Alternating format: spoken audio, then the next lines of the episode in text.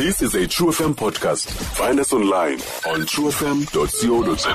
masamkele ke umrs noluntu mahashe ke yena ke who's the provincial chairperson esantaco apha ephondweni mankwamkele ku-true breakfast mrs mahashe inkosi kakhulu ngethuba esiphelona this morning um mamam khasichazele nje uba siva ngomso uba there's a total shutdown i-taxi strike apha ephondweni khasichazele nje uba kwenzeke ntoni to get to that point Eh mandibulise kusasa ndibulise nakubaphulaphuli. Okokuqala uba niyakhumbula ngo-2015 nge-10th kaJuni saba nayo i-shutdown. Uba ndiza kuchaza izizathu zobana intoni ebangela uba siphinde. Ezaa grievances sasizithumela kuPremier ngo-2015 azikazange zenzeke kunangoku zange zazaliseka. Wasisabela yena uPremier wazama kodwa umphathiswa ephantsi kwakhe i-taxi industry akazange afune ukuimplementa yonke laa nto.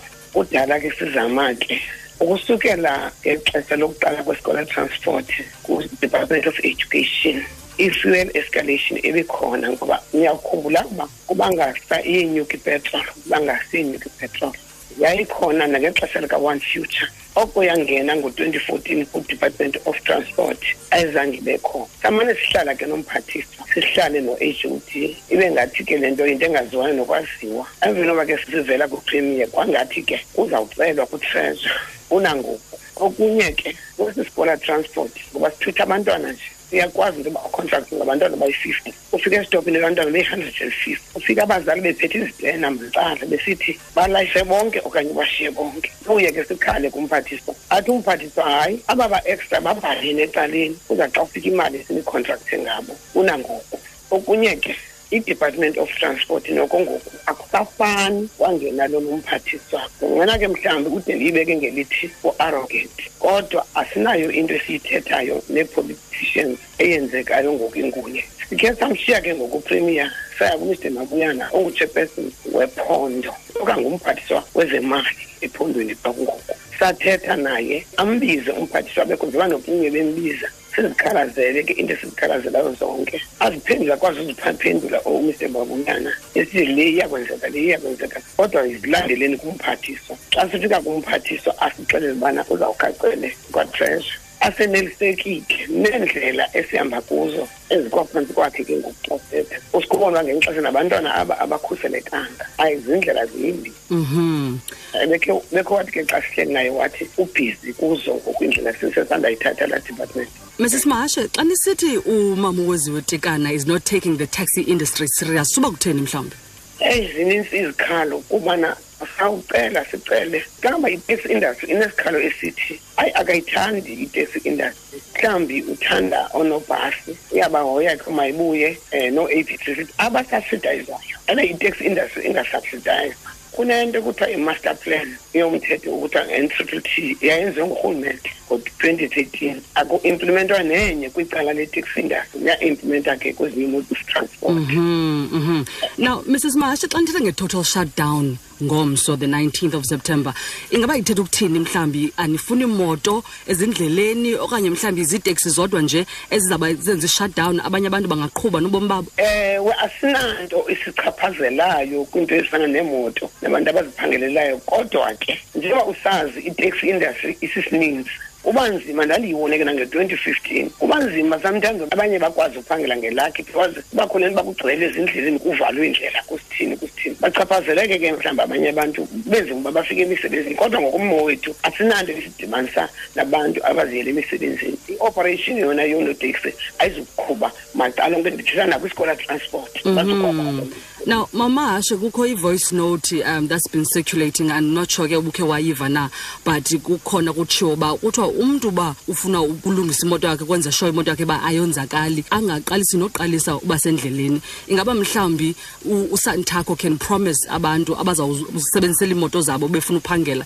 Bazawuba safe akukho nto izokonakala. Eh, into yokuqala kukho iisetyhuli ezininzi ekuthiwa ziyajikeleza esingazaziyo. Nesinga- nesingayithandi indlela ilanguage esetyenzisiwe kuzo. Yes. Kodwa ke simane sizothuka nathi kodwa ke ekugqibeleni asithi abantu mabangahambi ngeemoto zabo. But uyaqaphela once kwathiwa kukho istrike ngakumbi esikhulu esinjengonoteksi kuba khona nje iitsarara ongazazi uba zithi gqingaphini uqomba nawe ayi akuyazi ke le nto bisisenza kanjani sisenza umzekelo nale yokutshiswa kwamatayari thina asiyithandi.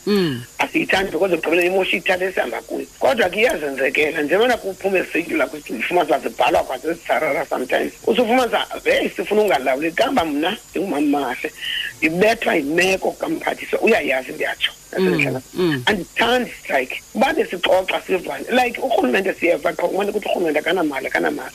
Ingase siyifumane impendulo engqalileyo. Hayi sisabethakele singurhulumente asinayo imali kodwa ngoko ngexesha elihle liyakwenzeka njengoba ndizile nje from twenty fifteen sixelelwa le sixelelwe le sixelelwe le. Iyaqala kufana noba ke uba ke kwathiwa sathi siye estrayikini uba uphuma ngapha njengaba izolo elinye ngecawa. Besibiziwe ecalada apho kuthi besibizwe ngumr. Mabuyane esifike ngekho kodwa kaphila ngunomqolo. Safike bekudeputy wakhe nosecretary wakhe abathi masiqale kuqala uba yintoni siyazi kodwa kudala siqhuba sithetha nomr. Mabuyane sezinye zezinto ezibangela uba sithi asithatha serious soze siqhube from twenty fifteen sixoxa nabo ze kusuke sibizwe ngecawa uba sisithi nge-nineteen sixty estrike sibizwe ngabantu abathi siyaqala ukuyiva kwale nto bekusekwathini kodwa balapha ecalata nabo. Saboba hayi asithatha serious nyhani ayiyondlalo Mm, so ngokuva kwam mamahashe wena uthi ke ngoku even though benibiziwe ecalada akho nto mhlawumbi iye yabambeka eniyithethileyo phaa. So istrike will continue ngomso. Ayikho enye imeeting mhlawumbi ninoyibamba niphinde kwakhona. Mhlawumbi kuthiwa siyasibamba istrike akho nto iza kwenzeka jonga bekunecawa apho ndithi sifike uhleli udeputy chairperson nosecretary. Umr ngcubayithoni apho ndizawutyhafa khona kubana sifike kubantu abathi asazi makwenzeka ntoni. Usuke wathi uchairperson bahlale. Makukeni uba uthi abantu osebenza nabo uthi hlalani kubantu abazawufika. Apho ungabaxeleli noba kwenzeka ntoni naze bathini na. Safikela kuloo ngxaki kofuneka siba-explainele bethinani asenziwa bokrwada nabo-arrogance bake mhlawumbi wake mhlawumbi singonotiksi noko kwanele sabasusa from twenty fifteen. Asifumananga asifumananga nanto ke kangangabaske bona basishiya nento ethi emva kwestrike sesi-engagane Mhm. So ezi strike mamam to understand is it only just for tomorrow le total shutdown? Okanye mhlawumbi is going to be a continuing thing de mhlawumbi ke niphinde nibizelwe emeetingini asingomdla wethu okokubana siqhubeke emva kwangomso. Uyawuxhomekeka xa kuba ke kule nto yokuba kule meko yokuba singathathwa serious. Mthetho wethu uba abasibizelanga meeting umzekelo nge-twenty fifteen kwakuyi-ten kajuni wakhawuleza wazothatha ipetishini upremier awugqiba wathi ngomso ngelezeni sosidibane e-i c c. Asithandi nathi abantwana bangafundisi ngabazali siyafuna uba singaqhubekeki sizimisele uba siphele kwangomso thina ngokulo kwethu. Iyaqhubekeka ke ekungahoyweni kwethu. Mamasha kokugqibela wethu nje. Khasipho umyalezo ke ngokuluntu. Um ngokungathi kuza kwenzeka ngomso you know any details ba you know kuzovalwa phi kuthini phi? Um ngomso apho siyokuqala khona siyawuqala eqonce kwindawo ekuthiwa yi-victoria grounds ekuseni angothi siqokelelane khona si-adressane khona kwinto ekufuna sizi-adresse sisuke sibheke ecalata e-alexander road.